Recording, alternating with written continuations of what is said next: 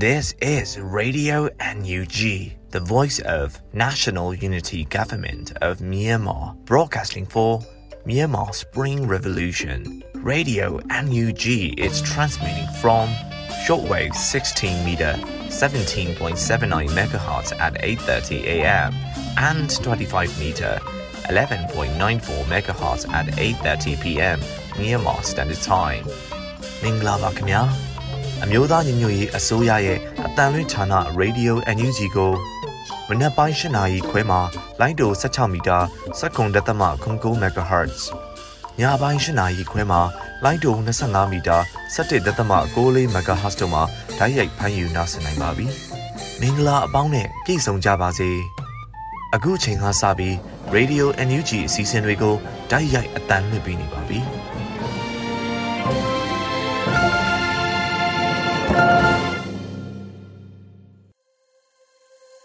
မင်္ဂလာနံနက်ခင်းပါခင်ဗျာဗီဒီယိုအန်ယူဂျီသောတာရှင်များနဲ့တကွာမြန်မာနိုင်ငံသူနိုင်ငံသားအားလုံးစိတ်ရောကိုယ်ပါကြံ့မာလျက်ဘေးပရာများလဲဝေးကွာကြပါစေကြောင်းဗီဒီယိုအန်ယူဂျီဝိုင်းတော်သူဝိုင်းတော်သားတွေကဆုတောင်းမေတ္တာပို့တာအပ်ပါတယ်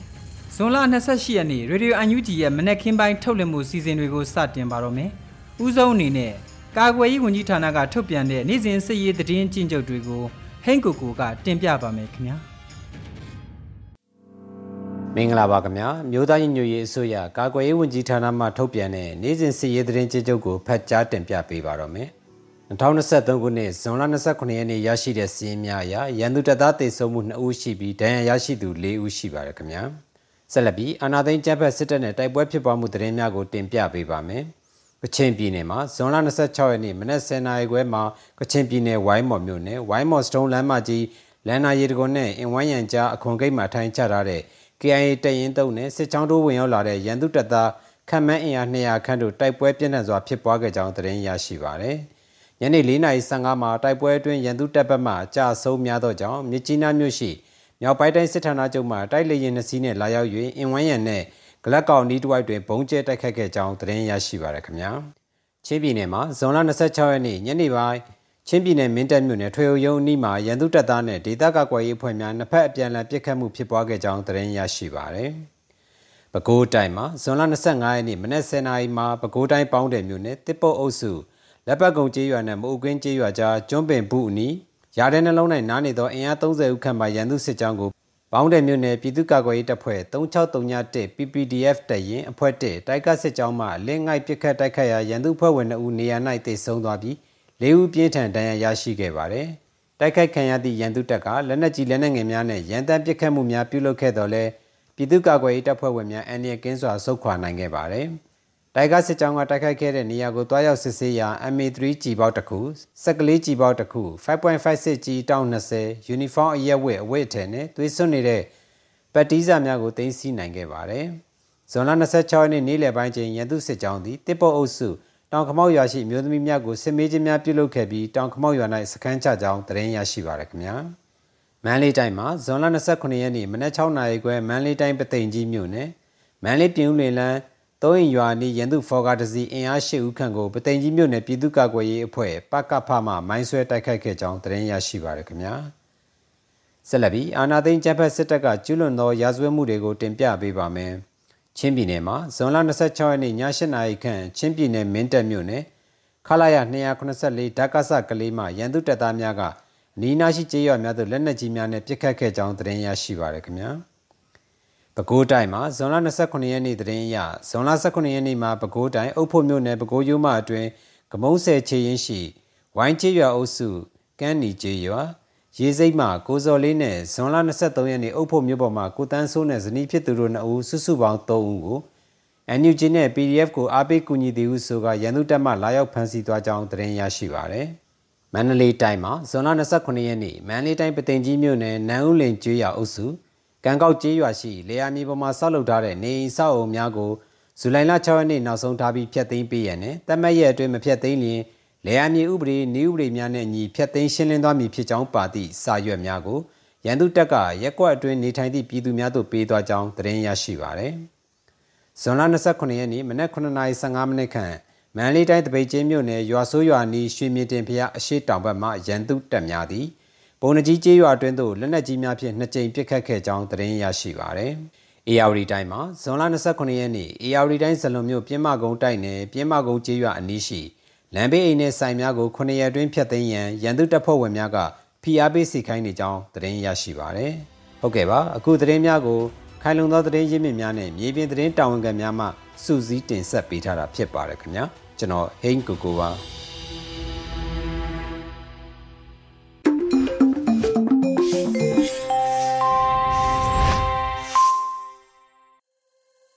စစ်ရေးသတင်းများကိုဟိန့်ကိုကိုကတင်ပြလို့ပြီးပါပြီအခုတခါပြည်တွင်းသတင်းများကိုຫນွေဥမိုင်ကတင်ပြပါဦးမယ်ခင်ဗျာ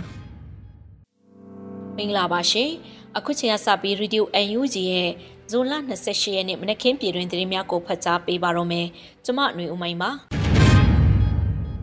ထမဆုံးအနေနဲ့တင်ပြပေးချင်တာကတော့အသွင်ကူးပြောင်းရေးကာလဖွဲ့စည်းပုံအခြေခံဥပဒေမူကြမ်းပါရေးဆွဲထားချက်တွေဟာလက်ရှိပဂရိအခြေအနေမှာကင်ဆွဲအသုံးပြုနိုင်ဖို့အထူးလိုအပ်တဲ့သတင်းဖြစ်ပါတယ်။အသွင်ကူးပြောင်းရေးကာလဖွဲ့စည်းပုံအခြေခံဥပဒေမူကြမ်းပါရေးဆွဲထားချက်တွေဟာလက်ရှိပဂရိအခြေအနေမှာကင်ဆွဲအသုံးပြုနိုင်ဖို့အထူးလိုအပ်တယ်လို့အမျိုးသားညီညွတ်ရေးအစိုးရ22ကြိမ်မြောက်အစိုးရအဖွဲ့အစည်းအဝေးမှာယာယီသမရဒူဝါလက်ရှိလာကပြောကြားပါတယ် အသွင်ကူးပြောင်းရေးကာလဖွဲ့စည်းပုံအခြေခံဥပဒေမူကြမ်းပါရေးဆွဲထားချက်တွေကလည်းအခြေခံမူနဲ့မလွတ်ကင်းတယ်လို့လက်ရှိပဂရိအခြေအနေမှာကင်ဆွဲအသုံးပြုနိုင်ဖို့အထူးလိုအပ်ပါတယ်။မူကတခြားလူကတခြားဖြစ်လို့မရသလိုမူနဲ့အုပ်ချုပ်မှုပုံစံကလည်းကင်းကွာနေလို့မရပါဘူးဒါကူအထူးသတိပြုပြင်ဆင်ကြဖို့ကျွန်တော်အနေနဲ့ပြောလိုပါတဲ့လက်ရှိနွေဦးတော်လှန်ရေးကိုနိုင်ငံရေးအရစစ်ရေးအရဥဆောင်နေတဲ့ကျွန်တော်တို့ဟာအရှိပဂရီနဲ့မကင်းလွတ်စေဘဲနဲ့လှုပ်တင်လှုပ်ထိုက်တဲ့ပြင်ဆင်မှုတွေကိုပြုလုပ်ထားဖို့လိုပါတယ်။မူချမ်းကိုပြင်ဆင်တဲ့အခါမှာလူမျိုးစုတွေရဲ့လူလားချက်တွေကိုပြည်သူလူထုရဲ့လွတ်လပ်ခွင့်ကိုအမခံချက်ပေးနိုင်တဲ့ခိုင်မာသောနိုင်ငံရေးပြည်ငင်ဖြစ်စေဖို့ပြင်ဆင်ကြရပါလိမ့်မယ်လို့ဆိုပါတယ်။အစည်းအဝေးမှာဖက်ဒရယ်ပြည်ထောင်စုရေးရာဝန်ကြီးဌာနပြည်ထောင်စုဝန်ကြီးဒေါက်တာလျံမှုန်းစာခေါင်းက TCPC မှပြင်ဆင်ထားတဲ့အသွင်ကူးပြောင်းရေးကာလဖွဲ့စည်းပုံအခြေခံဥပဒေပြင်ဆင်မှုကျမ်းကိုမှတ်တမ်းတင်နိုင်ရန်တင်ပြတဲ့ကိစ္စကိုဆွေးနွေးမှုတွေပြုလုပ်ခဲ့ပါတယ်ရှင်။ဆက်လက်ပြီးအမျိုးသားရင်ငယ်ရဲ့အစိုးရအနေနဲ့တော်လှန်ရေးကိုမျက်နှာမူနေတဲ့မဟာမိတ်အဖွဲ့အစည်းတွေနဲ့အတူလက်တွဲဆောင်ရွက်သွားဖို့အမြဲတင်ရှိနေတဲ့သတင်းကိုတင်ပြပါမယ်။အမျိုးသားရင်ငယ်ရဲ့အစိုးရအနေနဲ့တော်လှန်ရေးကိုမျက်နှာမူနေတဲ့ မဟာမိတ်အဖွဲ့အစည်းတွေနဲ့အတူလက်တွဲဆောင်ရွက်သွားဖို့အမြင့်အသင့်ရှိနေတယ်လို့ဇွန်လ29ရက်မှာကျင်းပတဲ့အမျိုးသားရင်ငယ်ရေးအစိုးရ၏အစိုးရအဖွဲ့အစည်းအဝေး21မြင်းဆောင်2023တွင်ပြည်ထောင်စုဝန်ကြီးချုပ်မန်းဝင်းခိုင်တန်းကဆိုပါတယ်ကျွန်တော်တို့အစိုးရအနေနဲ့တော်လှန်ရေးကိုမျက်နှာမူနေတဲ့မဟာမိတ်အဖွဲ့အစည်းတွေကိုဖြစ်စေလူတဦးတယောက်ချင်းစီကိုဖြစ်စေစစ်မှန်တဲ့တော်လှန်ရေးစိတ်ဓာတ်တွေနဲ့အတူလက်တွဲဆောင်ရွက်သွားဖို့အမြင့်အသင့်ရှိနေကြောင်းပြောကြားလိုပါတယ်လို့ဆိုပါတယ် လက်ရှိမှာအမျိုးသားညီညွတ်ရေးအစိုးရဟာတိုင်းသားတော်လှန်ရေးအဖွဲ့အစည်းများနဲ့နိုင်ငံရေးစစ်ရေးပူးပေါင်းဆောင်ရွက်လက်ရှိသလိုမြေပြင်တပိတ်အင်အားစုများနဲ့လည်းတွေ့ဆုံမပြတ်ရှိနေပါတယ်ရှင်။ကြာကာလဒေသန္တရပြည်သူ့အုပ်ချုပ်ရေးဖော်ဆောင်မှုဘောကော်မတီနဲ့ရန်ကုန်တိုင်းမြို့နယ်ပြည်သူ့အုပ်ချုပ်ရေးအဖွဲ့များတွေ့ဆုံဆွေးနွေးတဲ့သတင်းကိုဆက်လက်တင်ပြပါမယ်။ မြို့သားညီညွတ်ရေးအစိုးရဂျာကာလဒေသန္တရပြည်သူ့ချုပ်ရေးဖော်ဆောင်မှုဗဟိုကော်မတီနဲ့ရန်ကုန်တိုင်းမှမြို့နယ်ပြည်သူ့အုပ်ချုပ်ရေးအဖွဲ့များတွဲဆုံဆွေးနွေးပွဲအစည်းအဝေး7နှစ်မြင်းဆောင်2023ကို ဇွန်လ29ရက်မှာကျင်းပခဲ့ပါတယ်။အစည်းအဝေး၌ဂျာကာလဒေသန္တရပြည်သူ့အုပ်ချုပ်ရေးဖော်ဆောင်မှုဗဟိုကော်မတီအတွင်းရေးမှူးအဖွဲ့ဝင်ပြည်ထောင်စုဝန်ကြီးချုပ်ယုံအမြဲတမ်းအတွင်းဝင်မှအဖွဲ့မှစကားပြောကြားခဲ့ပါတယ်။ဆက်လက်၍ဝန်ကြီးဌာနများမှလုပ်ငန်းဆောင်ရွက်ချက်များကိုရှင်းလင်းပြောကြားခဲ့ပြီးတက်ရောက်လာကြသောမြို့နယ်ပြည်သူ့အုပ်ချုပ်ရေးအဖွဲ့ဝင်များမှမူဝါဒလမ်းညွှန်ချက်များလုပ်ငန်းဆောင်ရွက်ချက်များမြေပြင်အခက်အခဲများနဲ့ပတ်သက်၍သိရှိလိုသည့်များကိုအပြန်အလှန်ဆွေးနွေးခဲ့ကြပါသည်။ တွေ့ဆုံပွဲသောအမြဲတမ်းအတွင်းဝင်များတွဲဖက်အတွင်းဝင်များဌာနဆိုင်ရာများမှတာဝန်ရှိသူများနဲ့ရန်ကုန်တိုင်းမှမြို့နယ်ပြည်သူ့အုပ်ချုပ်ရေးအဖွဲ့ဝင်များတက်ရောက်ခဲ့ကြရလို့သိရပါတယ်ရှင်။ဇွန်လတရက်နေ့မှ29ရက်နေ့ထိစစ်ကောင်စီတရားရုံးများမှမတရားပုံမှန်များဖြင့်ထောင်ဒဏ်ချမှတ်ခံထားရသူစုစုပေါင်း82ဦးရှိပြီးစကိုင်းတိုင်းမှာ80ဦးဖြင့်အများဆုံးဖြစ်တဲ့သတင်းကိုဆက်လက်တင်ပြပေးချင်ပါတယ်။ နိုင်ငံရဲ့အကျဉ်းသားများကုညီဆောင်ရှောက်ရေးအသင်းမှကောက်ယူထားသောသတင်းအချက်အလက်များအရ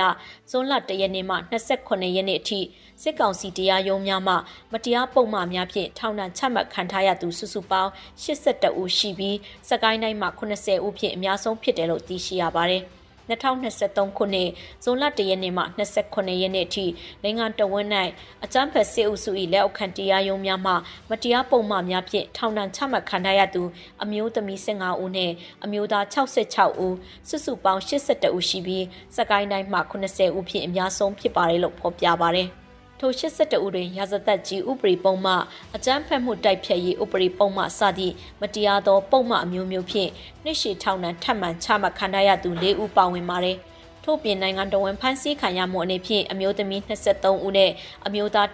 119ဦးစုစုပေါင်း140ဦးရှိပြီးစကိုင်းတိုင်း၌ဖမ်းဆီးခံရသူမှာစုစုပေါင်း46ဦးရှိပါတယ်ရှင်။ ဆက်လက်ပြီးအကြမ်းဖက်စစ်တပ်ကရန်တမ်းပစ်ခတ်တော်လက်နက်ကြီးမြဝတီမြို့အနီးကြောက်မိုင်းဒေသသို့ကြားရောက်ပောက်ကွဲခဲ့ပြီးရွာသားလေးဦးထိခိုက်ဒဏ်ရာရရှိတဲ့တဲ့ရင်ကိုတင်ပြပေးပါမယ်။အကြမ်းဖက်စစ်တပ်ကရန်တမ်းပစ်ခတ်တော်လက်နက်ကြီးမြဝတီမြို့အနီးကြောက်မိုင်းဒေသသို့ကြားရောက်ပောက်ကွဲခဲ့ပြီးရွာသားလေးဦးထိခိုက်ဒဏ်ရာရရှိခဲ့လို့ဇွန်လ29ရက်မှာကျက်တက်တဲ့စစ်ကြောင်းကဆိုပါရယ်ဇွန်လ24ရက်နေ့ည9:00နာရီအချိန်တွင်အကြမ်းဖက်စစ်ကောင်စီအရှိတောင်တိုင်းစစ်ဌာနချုပ်လက်အောက်ခံ ခလာရ205မှရန်တမ်းပစ်ခတ်သော120မမလက်နက်ကြီးကြီးနှလုံးမြဝတီမြို့အနီးကြောက်မိုင်းဒေသသို့ကြားရောက်ပောက်ကွဲခဲ့ပါတယ်လို့ဆိုပါတယ်။အဆိုပါလက်နက်ကြီးကြောင့်ရွာသားလေးဦးထိခိုက်ဒဏ်ရာရရှိခဲ့ပြီးပြည်သူလူ၏နေအိမ်အချို့ထိခိုက်ပျက်စီးခဲ့ကြောင်းသိရရှိပါရရှင်။ပလဲမြို့နယ်ညောင်ကုန်းကျေးရွာနဲ့ ချင်းပြစ်ကြေးရွာအနီးတဝိုက်သို့စစ်ကောင်စီတပ်များမှ Jet Fighter ဖြင့်လေကြောင်းတိုက်ခိုက်မှုလှုပ်ဆောင်၍အမျိုးသား9ဦးအမျိုးသမီး2ဦးနဲ့ဖုန်ကြီးတစ်ပါးစုစုပေါင်း9ဦးသေဆုံးတဲ့တဲ့ရင်ကိုဆက်လက်တင်ပြပါမယ်။စကိုင်းတိုင်းပလဲမြို့နယ်ညောင်ကုန်းကြေးရွာနဲ့ချင်းပြစ်ကြေးရွာအနီးတဝိုက်သို့စစ်ကောင်စီတပ်များမှ Jet Fighter ဖြင့်လေကြောင်းတိုက်ခိုက်မှုလှုပ်ဆောင်၍ အမျိုးသား9ဦးအမျိုးသမီး2ဦးနဲ့ဖုန်ကြီးတစ်ပါးစုစုပေါင်း9ဦးသေဆုံးခဲ့ပါတယ်။ဇွန်လ29ရက်ညနေ3:25မိနစ်ခန့်အချိန်မှာစစ်ကောင်စီတပ်ကလေကြောင်းတိုက်ခိုက်မှုလှုပ်ဆောင်ခဲ့ရလို့ပလဲဂျော်ကာ PDF ရမပင်ခရိုင်တပ်ရင်း16ကအတိပေးဆိုပါတယ်စစ်ကောင်စီတပ်၏လေကြောင်းတိုက်ခိုက်မှုကြောင့်ညောင်ကုန်းရွာမှအမျိုးသား9ဦးအမျိုးသမီး2ဦးနဲ့ဖုန်ကြီးတစ်ပါးစုစုပေါင်း9ဦးသေဆုံး၍6ဦးထိခိုက်ဒဏ်ရာရရှိခဲ့ပါတယ် နေအိမ်73လုံးနဲ့ဖုန်ကြီးကျောင်းလည်းပျက်စီးသွားခဲ့ပါတယ်လို့ဆိုပါတယ်။လေကြောင်းပစ်ခတ်မှုကြာချိန်15မိနစ်ခန့်ကြာမြင့်ခဲ့လို့သိရပါတယ်ရှင်။ဆက်လက်ပြီးဝက်လက်မြုံနယ်ငပတ်ချောင်းရွာကိုစစ်ကောင်စီတပ်ကမိရှုဖျက်ဆီးတဲ့တရင်ကိုတင်ပြပါမယ်။စကိုင်းတိုင်းဝက်လက်မြုံနယ်ငပတ်ချောင်းရွာကိုစစ်ကောင်စီတပ်ကမိရှုဖျက်ဆီးခဲ့လို့တရင်ရရှိပါတယ်။ဇွန်လ29ရက်မှာစစ်ကောင်စီတပ်များမိရှုဖျက်ဆီးမှုကို GZFTL ဝက်လက်က အသိပေးဆိုပါတယ်။ တရက်ပင်စိတ်ကျေးရွာကိုမိရှုသောစစ်ကောင်စီ90ခန့်သည်ငပတ်ချောင်းကျေးရွာသို့ရောက်နေပြီးမိတင်နေသောကြောင့်တစ်စိန်ဖျားလေးကုန်းကုကြီးလှေပို့စိတ်ရွာတဲ့ရေကမိုးချားကွဲတွင်နေသောမိဘပြည်သူများအနေဖြင့်အထူးဂရုစိုက်ကြရာအတိပေးအပ်ပါရလို့ဆိုပါတယ်။ဝဲလက်မြို့နယ်အရှိတ်ဖက်ချမ်းရှိကျေးရွာများကိုဇွန်လပထမပတ်ကျော်မှစတင်၍စစ်ကောင်စီတပ်များစစ်ကြောင်းထိုးဝင်ရောက်မှုကြောင့်ဒေသခံပြည်သူ3000ကျော်ဟာစစ်ပေးရှောင်တိန်နေရပါတယ်ရှင်။ မုံရွာမြို့ကာညာနာရုံးတွင်တက်ဆွဲထားသောစစ်ကောင်စီတပ်များတိုက်ခိုက်ခံရ၍15ဦးသေဆုံးတဲ့တဲ့ရင်ကိုဆက်လက်တင်ပြပါမယ်။မုံရွာမြို့ကာညာနာရုံးတွင်တက်ဆွဲထားသောစစ်ကောင်စီများတိုက်ခိုက်ခံရကစစ်ကောင်စီ15ဦးသေဆုံးတယ်လို့ဇွန်လ29ရက်မှာမုံရွာခရိုင်ပြည်သူ့ကာကွယ်တပ်မတော် Chinwin Attract Force ကအသိပေးဆိုပါတယ်။မုံရွာမြို့ရှိအကြမ်းဖက်စစ်ကောင်စီတပ်သားများကိုမုံရွာခရိုင်ပြည်သူ့ကာကွယ်တပ်မတော် Chinwin Attract Force တပ်ရင်းလေးအထူးကွန်မန်ဒိုတပ်ဖွဲ့ မုံရွာ The Boys နဲ့မုံရွာခရိုင်တပ်ရင်းကမုံရွာခရိုင်တပ်ရင်းခုနှစ်မုံရွာခရိုင်တပ်ရင်း12မုံရွာခရိုင်တပ်ရင်း22မုံရွာခရိုင်တပ်ရင်း25မုံရွာခရိုင်တပ်ရင်း28ရမပင်ခရိုင်တပ်ရင်း28နဲ့မြမတော်ဝင်နဂါတပ်မတော် MRDA တို့စုပေါင်းပြီးဇွန်လ24ရက်နေ့ညနေ6နာရီခန့်တွင်မုံရွာမြို့ကောင်းရနာရုံးတွင်တက်ဆွဲထားသောစစ်ကောင်စီများကိုတိုက်ခိုက်ခဲ့ကြပါတယ်လို့ဆိုပါတယ်။ တိုက်ခိုက်မှုကြောင့်စစ်ကောင်စီတပ်သား15ဦးသေဆုံးခဲ့လို့သိရပါတယ်ရှင်။တဝဲခရိုင်လောင်းလုံးမြို့နယ်တွင်စစ်အာဏာရှင်စန့်ကျင်လူထုတပိတ်လှုပ်ရှားတဲ့တဲ့ရုံနောက်ဆုံးတင်ပြပေးချင်ပါတယ်။တဝဲခရိုင်လောင်းလုံးမြို့နယ်တွင်ဇွန်လ29ရက်နေ့နေ့လယ်တွင်တဝဲခရိုင်ဒီမိုကရေစီအရေးလှုပ်ရှားမှုတပိတ်ကော်မတီ DDMSC မှဦးဆောင်ပြီးစစ်အာဏာရှင်စနစ်ဆန့်ကျင်ရေးလူထုတပိတ်လှုပ်ရှားခဲ့ကြပါတယ်။ထူလှုပ်ရှားမှုကိုစစ်အာဏာရှင်စနစ်အဆုံးသက်ကလူထုတာလှင်အတီးကစာသားပါဗနာကင်ဆွဲ၍အမျိုးသမီးများလူငယ်များနဲ့ပြည်သူအများအပြားပူးပေါင်းပါဝင်မှုနဲ့တူစစ်အာဏာရှင်စနစ်ဆန့်ကျင်ရေးတိုက်ပွဲကြွေးကြော်သားများကြွေးကြော်ချီတက်ခဲ့ကြတယ်လို့သိရပါတယ်။ အောင်မြင်တဲ့တော်လှန်ရေးတွင်လူထုဆန့်ကျင်အုံကြွမှုနဲ့လူထုအင်အားသည်သာအဓိကကြသလိုလူရန်စာပေါင်းစုံပါဝင်နိုင်သည့်တိုက်ပွဲနီးနာသည်လည်းအာဏာရှင်စနစ်ဆန့်ကျင်တော်လှန်ရေးနဲ့ပြည်ထောင်စုတည်ဆောက်ရေးအတွက်အဓိကကြသည့်တိုက်ပွဲနီးနာတစ်ခုဖြစ်ပါတယ်လို့ဒီမိုကရေစီအရေးလှုပ်ရှားမှုတပိတ်ကော်မတီဒဝဲခရိုင်ကဆိုထားပါတယ်ရှင်။အခုတင်ပြခဲ့တဲ့သတင်းတွေကို Radio UNG သတင်းထောက်မင်းတီဟန်ကပေးပို့ထားတာဖြစ်ပါတယ်ရှင်။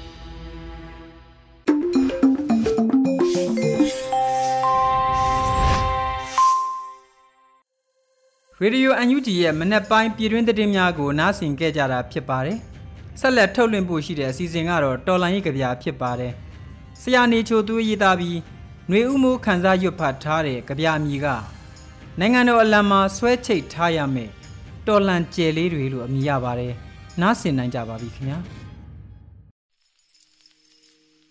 နိုင်ငံတော်အလံမှာဆွဲချိတ်ထားရမယ့်တော်လန်ကျယ်လေးတွေမျက်ရည်တွေရွာကျနေတဲ့ နိုင်ငံတော်ကြီးတဲ့မုံတိုင်းမိသွားတဲ့စိတ်ကကြေကွဲဝမ်းနည်းမှုတွေနဲ့ပိုးဆိုးပတ်ဆက်ကြီးကိုဖြစ်လို့ကိုချင်းစာတရားတွေလိုအပ်နေတဲ့အကြောင်းမိရှုဖြက်စီးခံလိုက်ရတဲ့ကြေးရွာတွေကိုစားပြောပြမယ်အမိအဖ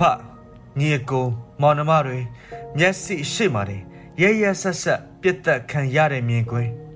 လူမမဲအကျွဲကလေးတွေကိုစားပြောပြမယ်ဖြက်လေးဖြက်စိတ်ရင်းနဲ့ တိုက်ဖြက်အကြမ်းဖတ်တဲ့ဆက်အာနာရှင်လောက်ရဘေးလို့ရာပြေးနေရတဲ့အပြစ်မဲ့ပြည်သူတွေကိုစားကိုချင်းစာတရားထားတတ်အောင်ပြောပြမယ်ခြေလက်ကိုအင်္ဂါတွေချိုယွင်းကုန်တဲ့လူစရင်ကြီးကမဝင်ခင်မီးလောင်ပြင်ဖြစ်သွားတဲ့စိုက်ခင်းတွေကိုစားပြောပြမယ်။စာတင်ကျောင်းတွေစေယုံတွေဘာသာရေးအဆောက်အုံတွေပေါ်ဘုံတွေကျဲချတဲ့လေရင်ပြန်တွေကြားအောင် ကိုချင်းစာတရားအကြောင်း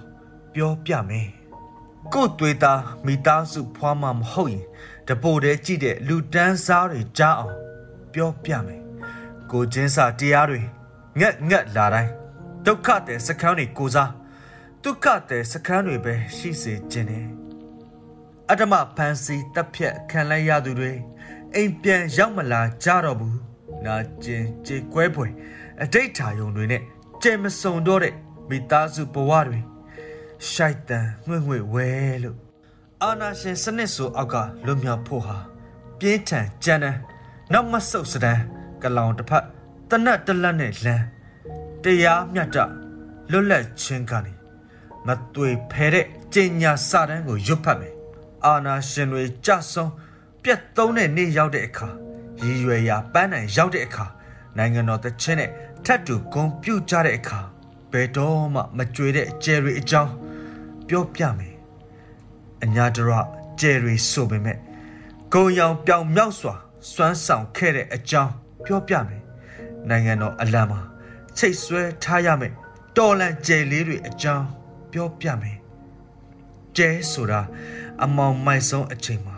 အထုံးလင်းဆုံးတောက်ပါတယ်ဆိုတဲ့အကြောင်းနေချိုသွေး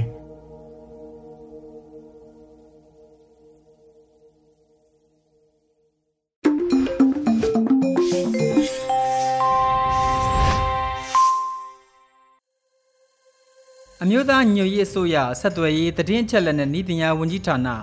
ရေဒီယိုအန်ယူဂျီရဲ့အစီအစဉ်များကို နားဆင်နေကြတာဖြစ်ပါတယ်။အခုတခါတော်လန်အက်ဆီတပုတ်ကိုတင်ပြပါမယ်။ကဘာတိုင်ဆုံးမောင်စစ်မုံရေးသားပြီးလွတ်လပ်ຫນွေဦးဖတ်ကြားထားတဲ့အမောင်ချမ်းချိုးဖြတ်ဖို့အောင်ဆန်းမျိုးဆက်ဆိုတဲ့တော်လန်အက်ဆီကို နားတော်တာဆင်တော်မူကြပါခင်ဗျာ။အမောင်ချမ်းချိုးဖြတ်ဖို့အောင်ဆန်းမျိုးဆက် ကျူးကျော်စစ်တိုက်ဖို့တနိုင်ငံလုံးတည်မကပြည်ပရောက်မြန်မာပြည်ပွားတွေပါမကြမ်းအရွယ်သုံးပါးစလုံးစစ်မှုထမ်းခိုင်းလိုက်တာကတော့မတ်အားလာပါပဲကျူးကျော်စစ်ဆိုတာကစစ်ဘလူးတွေစီးပွားရေးမှာကျူးကျော်လာတာစစ်ယူတွေအုပ်ချုပ်ရေးမှာကျူးကျော်လာတာစစ်ကျူးတွေနိုင်ငံရေးမှာကျူးကျော်လာတာကိုပြောတာစစ်မိတ်စာတွေအပိတ်စာပွားပြီးခေတ်ဆက်ဆက်တတိုင်းပြည်လုံးမိလောင်တိုက်သွင်းနေတာတွေ ပျောက်ကွယ်မျိုးတုံးသွားဖို့စစ်မိတ်စာတွေအိတ်သာဝင်ပြီးငိမ့်ချမ်းရေးကိစ္စတွေမှာဖြက်လူဖြက်စီးလုပ်နေတာတွေမရှိတော့ဘူးပြည်သူကိုပြစ်တတ်တဲ့စစ်တပ်ဆိုတာဒီမြေပြင်ပေါ်မှာကို မရှိတော့ဘူးအဘိုးအဘွားတွေပါစစ်မှုထမ်းတာနော်သူတို့ကလစ်အားတရားနာအားမနေဘူးပဲသူတို့တရားနာနာနာလေးထောက်ဖို့အတွက်ပိုက်ပိုက်ရလေတတမီမီတို့လည်းကလစ် ရှက်ကီဘဲတွေလည်းကလစ်ဘောသမားတွေလည်းသူတို့ဘောကြည့်လေထောက်ဖို့ထောလေခစ်က IT ခစ်ကလစ်တာနဲ့ငွေရကြည်တာနဲ့ငွေရပုတ်တာနဲ့ငွေရအဲ့ဒီမှာမအလာဖင်ရမိတာမှားပြီးဖြစ်တော့တာပဲမှားတာမှခိုးသား900နဲ့ကိုမှားတာစစ်တပ်ရဲ့ညစ်ပတ်ခွင့်ကုံဆုံးစစ်မင်း30ဘုံထားသမျှတိုင်းပြည်ကိုပြန်ပေးရတော့မယ်။ယူဆုထားသမျှအန်ချရတော့မယ်အရေးချေ မြင်လာတော့ပေါင်းပြီးကျွတ်တွေလဲသွားမပြဲနိုင်တော့ပိုင်ဆိုင်တာတွေများလွန်းလို့ဘယ်ရွှေ့လို့ဘယ်ပြောင်းဘာရောင်းရမှမသိတာတွေကဒုနဲ့ဒီမအေးဘေးမအလာချီပဲထိုင်ဆဲနေကြပြီလေ။တားစီမြစ်ဆက်အေးဆေးလို့တွက်ထားတာခါပြီလေ။ခုကတတ်နှံ့ရတာနဲ့ကိုတတ်ကြတော့မယ်သူကြီးခိုးထားလူထားညစ်ထားတဲ့စီးစိမ်တင်မကတတ်ထားတဲ့အသက်တွေပါပြန်ပေးရတော့မယ်ကိန်းစိုက်လာပြီလေ သိတယ်မဟုတ်လားခွေးယူတကောင်ဝင်လာပြီဆိုခွေးကောင်းတွေလည်းရှောင်ရတယ်ဟိုကောင်ကမဲမဲမြင်ရထိုးကြိုက်တော့တာသွားကြိုက်မိရင်ကိုပါအချောင်ယူမှာခွေးတိုင်းသိအဲခွေးအိုကြီးတိုင်းသိလို့ပြောရမယ်ခွေးယူနဲ့ခွေးကောင်းရှင်မကြိုက်ဘူးဆိုတဲ့စကားပုံတော်လူတွေအတွက်ပေးထားသေးတာချီးစားတဲ့ခွေးချင်းတောင်ရှောင်သေးတာလူကတော့မပြောနဲ့လူတွေကတော့ ခွေးယူဟာမသိမချင်းဒုက္ခပေးတော့မှဆိုတာသိတော့တတ်ဖို့လောက်ရတာပဲခွေးယူဆိုတာကကုတ်လို့လည်းမရသေမအယူဆက်သိမ်းတာမျိုးမသိမချင်းဒုက္ခပေးတာမျိုးကိုခတ်ထောင်းထောင်းခွေးငမိုက်သားတကောင်တလေကသွားကြိုက်တတ်တော့အဲ့ဒီကောင်ပါရှင်းပြရတာမကြခင်သူလဲယူတော့မှလေခွေးဆက်ခင်းတော့ခွေးတက်ဖြစ်သွားတာသာကြည့်ဗမာလွတ်လပ်ရေးအတွက်ထူထောင်ခဲ့တဲ့တပ်မတော်အတွက် ဘယ်လိုမှကိုဖျက်မရတော့တဲ့နာမည်လေးခွေးတက်တဲ့တပ်မတော်သားမိတပ်မတော်သားအဖကနေခွေးတည်းစခဲ့အခုမအားလာလှုပ်လိုက်တော့ခွေးသေးဘဝရောက်ကြရောခွေးမျိုးတုံးကိန်းဆိုင်လာပုံက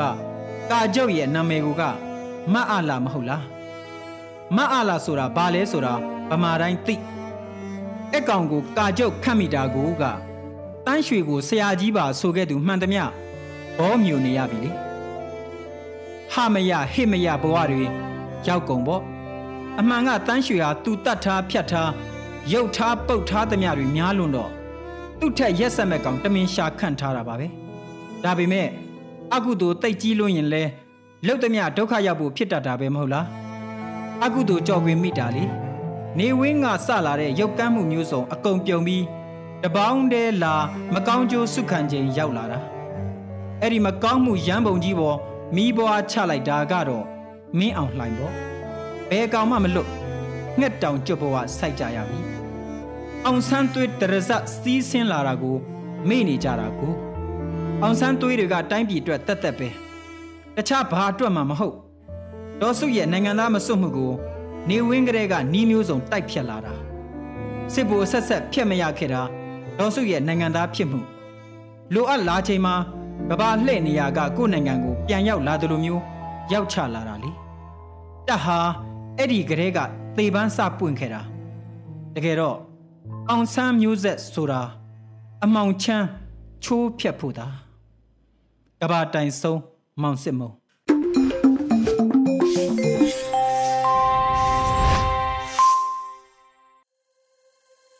ရေဒီယိုအန်ယူဂျီမှာဆက်လက်တန်လွှင့်လျက်ရှိပါတယ်။အခုတခါ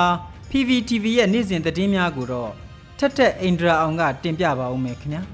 ။အခုချိန်ကစပြီး PVTV သတင်းတွေကိုတင်ဆက်ပေးတော့မှာပါ။ကျွန်မထက်ထက်အိန္ဒြာအောင်ပါ။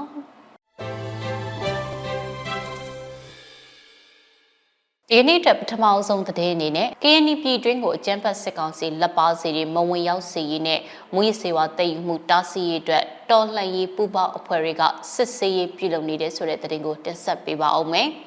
KNY ပြည်တွင်းကိုအကြမ်းဖက်စစ်ကောင်စီနဲ့လက်ပါစီတွေမဝင်ရောက်စေရေးနဲ့မွေးရစေဝါတည်မှုတားဆီးရေးတို့အတွက်တော်လှန်ရေးပူးပေါင်းအဖွဲ့တွေကစစ်ဆေးမှုတွေပြုလုပ်နေတာပါအဲဒီလိုစစ်ဆေးရမှာ KSP, KNDF, PDF တို့ကပူးပေါင်းစစ်ဆေးနေတဲ့ဆိုတာနဲ့ခရီးသောပြည်သူတွေကြားအကြမ်းဖက်စစ်ကောင်စီဗတ်တော်သားတွေမပါဝင်စေရေးနဲ့မွေးရစေဝါတွေတည်ယူမှုမရှိစေရေးတို့အတွက်စစ်ဆေးတာဖြစ်တယ်လို့ KNY ပြည်နယ်ပြည်သူ့ရဲတပ်ဖွဲ့ကအသိပေးထုတ်ပြန်ပါတယ်။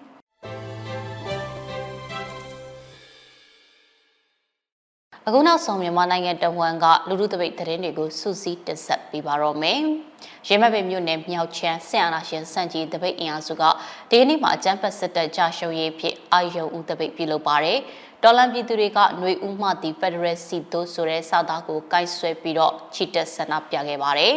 ။စကိုင်းတိုင်းငါးမြင့်ဆောင်ကလေးမြို့လူလူတပိတ်ကတော့အကြမ်းဖက်စစ်တပ်ကြာရှုံးရေးဆန္ဒပြတပိတ်ကိုဒီကနေ့မှာပြုလုပ်ကြပါရယ်။တော်လန်ပြည်သူတွေကအလံတွေနဲ့ ဘေးရာပြန်အန်ကိုခဲပန်းပန်လျက်ပဲဆိုတဲ့စာသားကိုကိုက်ဆွဲပြီးတော့ဆန္ဒပြလှုပ်ရှားမှုပြုလုပ်ခဲ့ကြတာပါ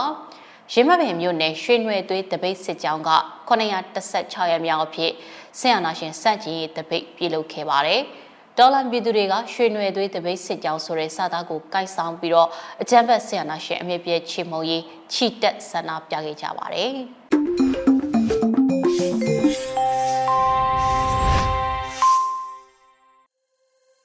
တောတာရှင်များခင်ဗျာအခုတခါနားဆင်ရမယ်တော်လိုင်းရေးတီဂီတာရဲ့အမည်ကတော့စကားတခွန်းရဲ့တန်ဖိုးလို့အမည်ရပါတယ်